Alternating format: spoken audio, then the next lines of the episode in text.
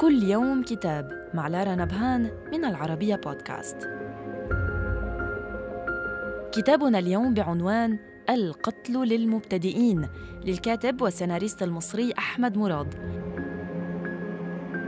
يتضمن الكتاب خلاصة تجارب الكاتب في تأليف روايات الجريمة وأفلام التشويق. ويقول المؤلف الذي حقق شهرة واسعة في هذا التخصص عبر سبع روايات وأربعة أفلام إنه لم يفكر في تأليف هذا الكتاب حتى خاض تجربة ملهمة في تدريس وتدريب هذا الفن على مدار السنوات الماضية حين شاهد في ورش العمل هواة يمتلكون بذور قصص شيقة.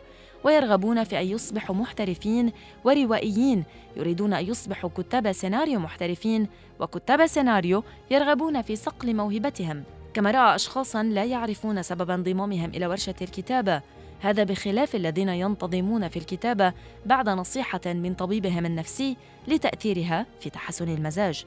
ويرى مراد أن الفضول هو ما يميزك ككاتب إذا زهدت فيه نتيجة لتقدم سن الطفل الذي يعيش بداخلك فسترى الحياة عادية رمادية فاترة. والأخطر أنك ستعتبر كل ما تراه عيناك فعلا طفوليا لا يستحق الانتباه.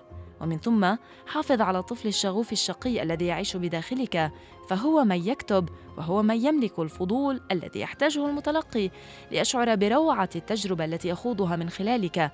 فليس هناك أكثر مللا من مرشد سياحي أو مقدم عرض للسيرك فقد الشغف والاستمتاع بما يقدمه نتيجة تقدم سنه الداخلية. صدر الكتاب عن دار الشروق في القاهرة وإلى اللقاء مع كتاب جديد.